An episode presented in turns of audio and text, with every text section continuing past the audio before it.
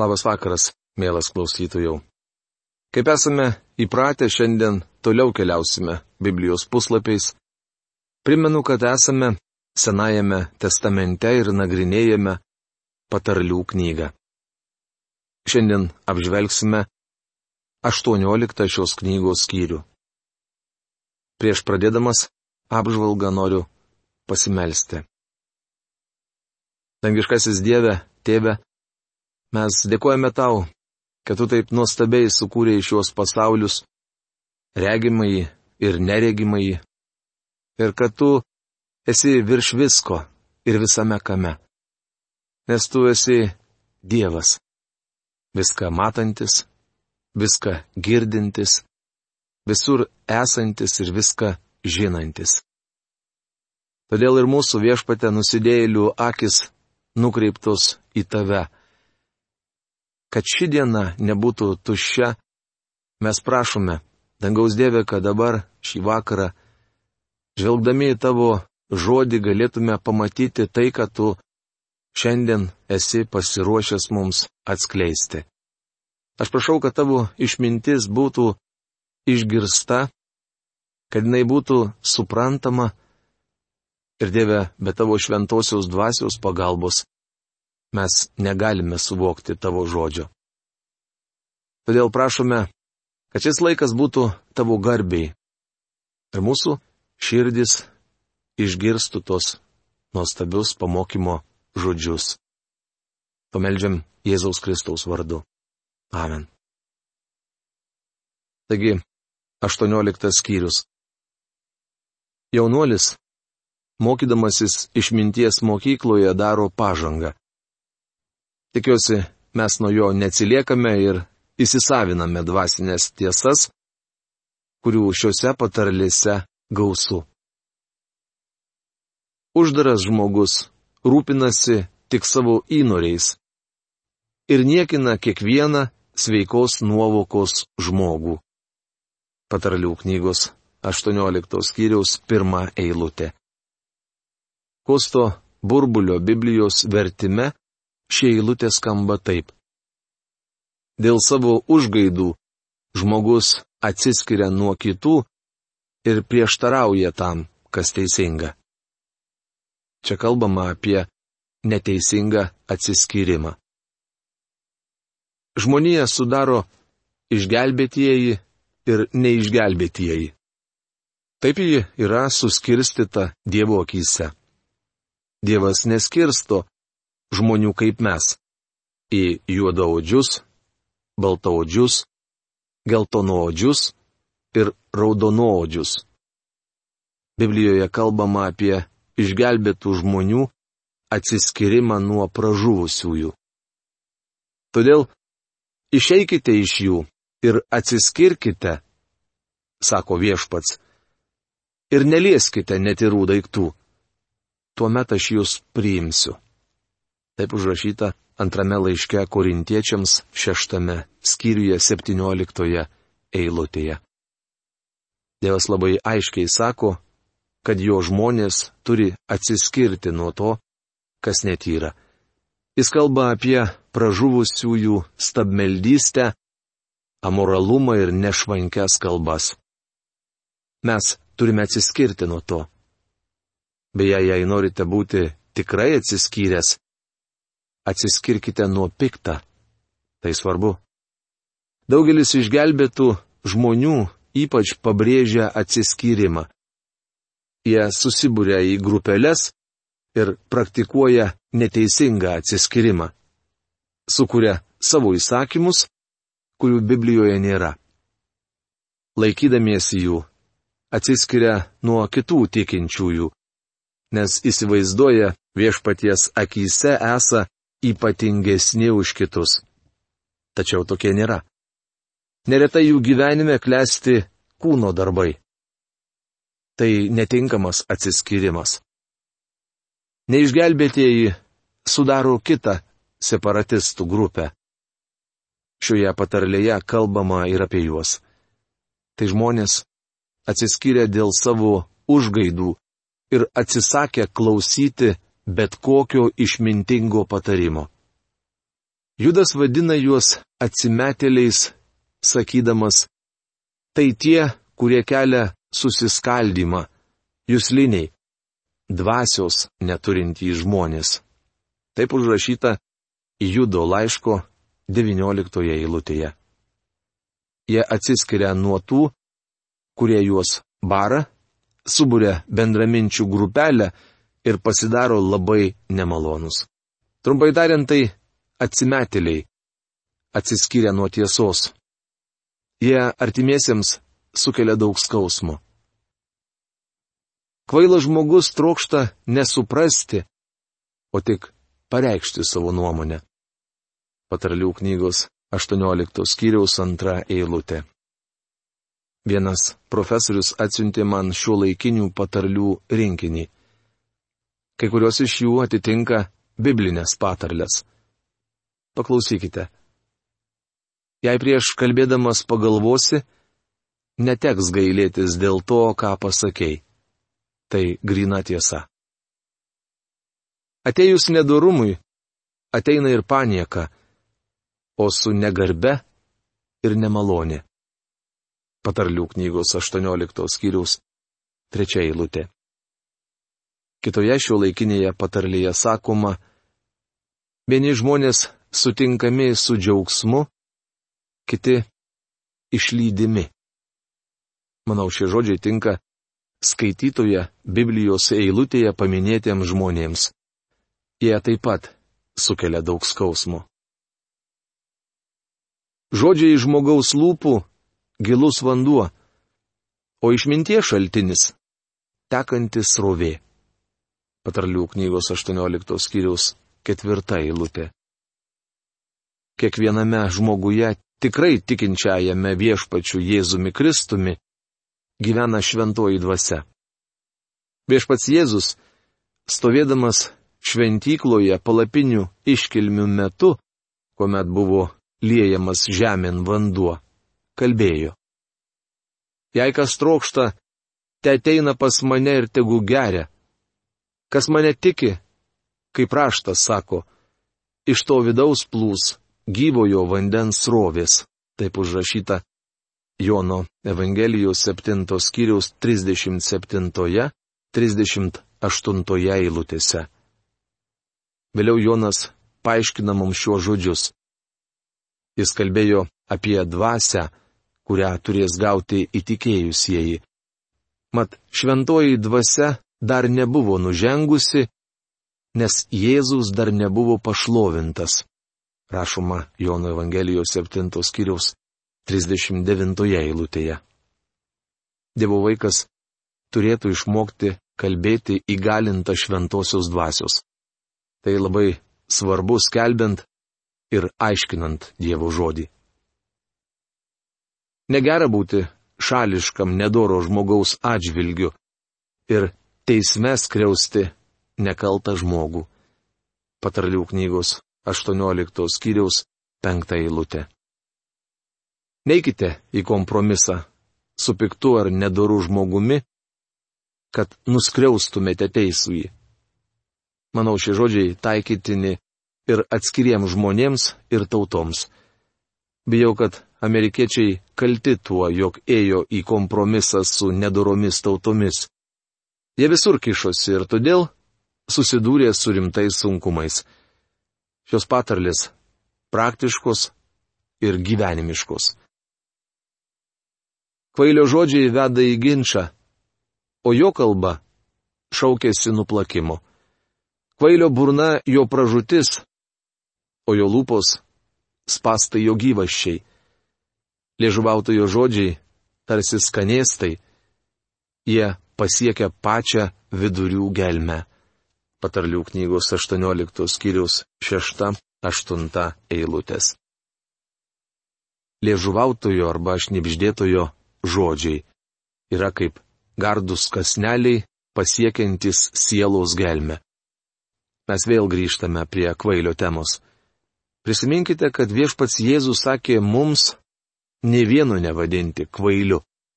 Žiūrėkite, tai parašyta Mato Evangelijos penktos skyriaus 22 eilutėje. Tačiau jis pats vadina kai kuriuos kvailiais, nes juos pažįsta. Vėl matome, kad kvailys pridaro bėdos. Jis nuolat kursto vaidus, skundžiasi ir kaltina kitus. Čia tinka šio laikiška patarlė. Būk taktiškas. Daugelis žmonių moka skustis, tačiau retas pasakys malonų komplimentą. Bitė retai giriama už tai, kad neša medų, bet dažnai kritikuojama už tai, kad gelia. Koks teisingas pastebėjimas. Viešpaties vardas - tvirtas bokštas. Teisusis gali pabėgti į jį ir būti saugus. Patarlių knygos 18 skyriaus 10 eilutė. Jagvės vardas apibūdina ir viešpati Jėzų Kristų. Jis vadinamas Jėzumi, nes išgelbsti savo žmonės iš jų nuodėmių. O Kristumi jis vadinamas todėl, kad yra pateptasis. Jis mūsų gyvenimo ir išganimo viešpats. Jis tvirtas bokštas. Jūs galite pasislėpti jame ir būti visiškai saugus.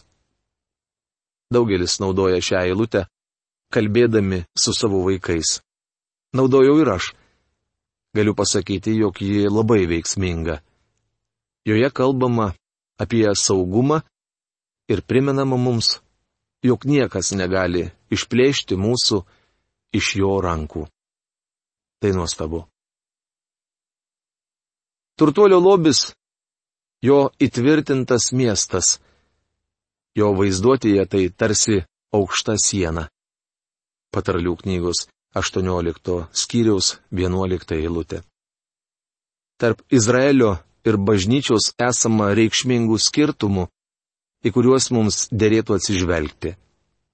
Dievas žadėjo savo tautai Izraeliui materialinę gerovę, tačiau mums to nežadėjo. Jis žadėjo jiems pilnas pintines ir savo žodį ištesėjo. Taip pat sakė, jog už bausmę atims iš jų visus jų turtus. Bažnyčia nėra Izraelio įpėdinė ar tesinys, nors tai ir skelbia kai kurie pamokslininkai. Bažnyčia nėra kita judaizmo pakopa, Žinoma, galite lyginti bažnyčią su Izraeliu ir rasite daug panašumų. Visgi skirtumų daugiau. Bažnyčiai nebuvo žadėta materialinių palaiminimų. Dievas mus tikinčiuosius palaimino Kristuje visokiojopą dvasinę palaimą danguje, kaip užrašė mums apaštalas Paulius laiške Efeziečiams pirmame skyriuje trečioje eilutėje. Dievo vaikui reikalinga tvirtovė. Jam reikia tvirto bokšto, kuriame galėtų pasislėpti. Įtvirtinto miesto. Apsupto aukštą tvorą. Kas tai? Ogi Dievo žodžio pažinimas. Mes turime suvokti, jog gyvename labai sunkiais laikais ir esame mėginami. Kaip svarbu išmanyti Dievo žodį. Bičiuli, Nebandykite pakeisti Dievo žodžio studijų paskaitomis apie sėkmingą liudijimą ir apie tai, kaip sutarti su žmona. Galbūt tos paskaitos šio to vertos. Tačiau labai paviršutiniškos. Niekas negali pakeisti nuodugnių Dievo žodžio studijų. Bičiuli, mokykite skaityti Dievo žodį. Jei nesuprantate, skaitykite dar kartą. Jei nesuprantate, perskaitę du kartus skaitykite trečią. O jei nesuprantate, perskaitę trečią kartą, kažkas negerai. Jums reikia eiti pas viešpati maldoje ir sakyti jam, jog nesuprantate vienos ar kitos šventojo rašto ištraukos. Prašykite jo pagalbos. Dievo dvasia yra mūsų mokytojas. Žinau, kad tai tiesa, nes ji dar niekarto manęs nenuvylė. Duoti atsakymą žmogui jo neišklausius ir kvaila, ir užgaulu. Patarlių knygos 18 skyriaus 13 eilutė. Kaip dažnai žmonės bando teisti kitą žmogų, jo nepažinodami, nežinodami jo bėdų ir gyvenimo situacijos. Svarbu, kad mes išsakytume savo nuomonę žinodami visus faktus. Gai dvasia palaiko žmogų lygoje, o kai dvasia susirga, kas gali ją pagydyti? Patralių knygos 18 skyriaus 14 eilutė. Jūs galite susilaužyti koją ir jį išgis. Tačiau susirgusi dvasia nepagydoma. Tokiu metu jūs gali padrasinti tik Dievas.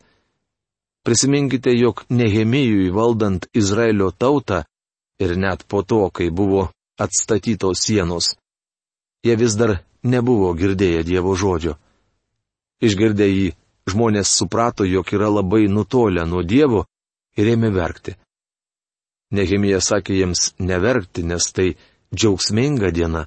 Jis kalbėjo, džiugesys viešpatyje yra jūsų stiprybė, tai prašoma Nehemijo knygos 8 skyriaus 10 eilutėje. Kaip svarbu, kad mes žinotume, jog džiugesys viešpatyje yra mūsų stiprybė. Sėdėdamas pastoriaus studijų kambarėlyje Saleme, Oregono valstijoje, ant sienos pastebėjau užrašą šio laikinę patarlę. Džiaugsmas - tai vėliava plevesuojanti širdyje, kuomet joje gyvena šeimininkas. Man patinka šie žodžiai.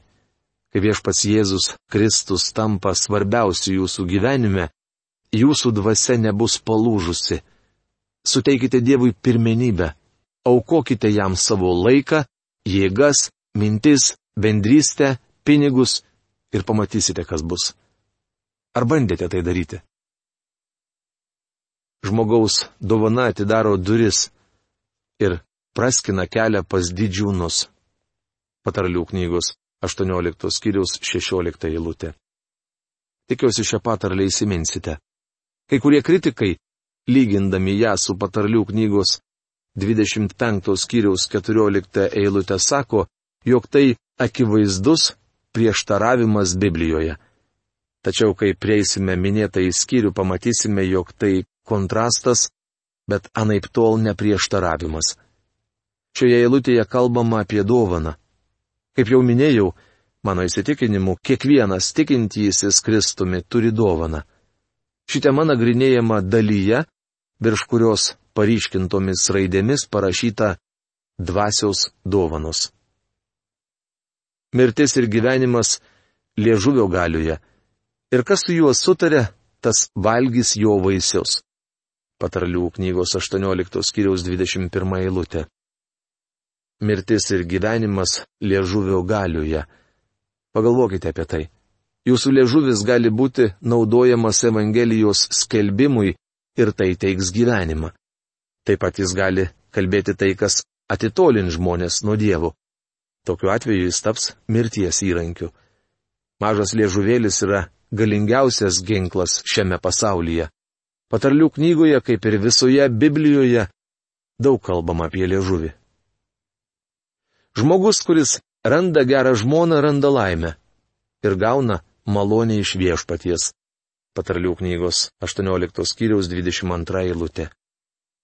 Man juokinga, kad šios dvi eilutės yra viena šalia kitos. Dievo dvasia sugretino jas. Pirždamasis merginai vaikinas naudoja liežuvį. Jis prašo tekėti už jo, kaip ir turi būti. Tuomet liežuvio galiuje yra gyvenimas ir mirtis. Vėliau jis gali gailėtis, kad nenusikando liežuvio prieš užduodamas tą lemtingą klausimą. Panašiai atsitiko vienam užkietėjusiam senberniui niekada nesutikusiam moters, kurią norėtų vesti. Anat jo, visos jos buvo pernelyg plepios. Tuomet jis sutiko vadinamą senmergę, kuri iš pirmo žvilgsnio atrodė labai tyli. Jis ją įsimylėjo ir prašė už jo tekėti. Tačiau, vos prieimusi pasiūlymą, moteris ėmė čiauškėti.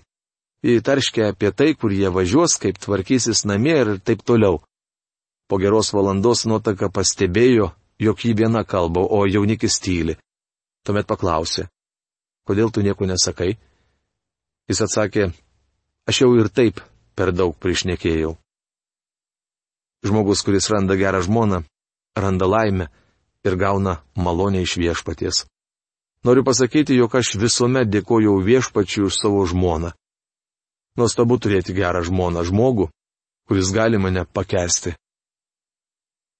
Žmogus turi bičiulių, kurie jį pražudo, o tikras draugas jam artimesnis už brolį. Patarlių knygos 18 skyriaus 24 eilutė. Kosto burbulio Biblijos vertime ši eilutė skamba taip. Kas nori turėti draugų, turi pats būti draugiškas. Būna draugų artimesni už brolį. Jei norite turėti draugų, pats būkite draugiškas. Beje, ar esate draugas savo draugams? O tikras draugas artimesnis už brolį. Ar žinote, kas jis? Kas tas, kuris gali būti jums artimesnis už brolį? Tai Jėzus. Jis sako, jūs būsite mano draugai, jei darysite, ką jums įsakau, tai prašoma Jono Evangelijos 15 skyriaus 14 eilutėje. Kai girdžiu žmonės gėdant, Jėzus draugas amžinasis, noriu prieiti prie jų ir paklausti, ar laikotės jo įsakymų. Jėzus sako, jūs būsite mano draugai, jei darysite, ką jums įsakau. Jei jūs jam nepaklūstate, kiek suprantu, nesate vienas iš jo draugų. Jėzus yra draugas, artimesnis už brolį, jis mūsų gelbėtojas. Jėzus mylėjo mus taip, kad sutiko už mus numirti. Jis sako, ir štai aš esu su jumis per visas dienas iki pasaulio pabaigos. Tai prašoma, mato Evangelijos 28 skyriaus 20 eilutėje ir Niekada aš tavęs nepaliksiu ir neapleisiu, rašo Hebrajams laiško autorius 13 skyriaus 5 eilutėje. Be to jis yra pažadėjęs mums, kai nuėjęs paruošiu jums vietą, vėl sugrįšiu ir jūs pas save pasiimsiu, kad jūs būtumėte ten, kur ir aš. Rašo Jono Evangelijos 14 skyriaus 3 eilutė. Kas gali būti geriau? Mes turime nuostabų draugą, artimesnį už brolį. Mielas klausytojau, noriu užduoti Jums klausimą. Ar Jėzus šiandien yra geriausias jūsų draugas? Ar jūs žinote, kad šiandien jisai atlikęs amžinojo atpirkimo darbą yra savo dangiškojo tėvo akivaizdoje, kad užtartų mus ateinančius pas jį? Ar jūs girdite jį kalbantį? Ir ar jūs leisite jam ateiti jūsų širdis ir gyvenimus. Aš kalbu apie tuos, kurie dar nepadarėte to svarbaus sprendimo. Nepriemėte Kristaus kaip savo asmeninio gelbėtojo. Jeigu jūs pripažįstate, kad Dievas yra visagalis ir viską matantis bei žinantis, pripažįstate, kad esate kaltas jam ir išpažįstate jam savo nuodėmės, kvieskitės dabar jį į savo širdį kad jis ateitų ir įsiviešpatautų joje. O mano malda yra už jūs visus, kad kiekvienas ateitume į tą tiesos pažinimą. Ir mes įgytume nuostabę draugystę su savo kuriejų. Šiais žodžiais noriu užbaigti mūsų laidą. Dėkoju Jums už tos brangius laiškus, kuriuos Jūs parašėte. Ir iki greito sustikimo. Sudė.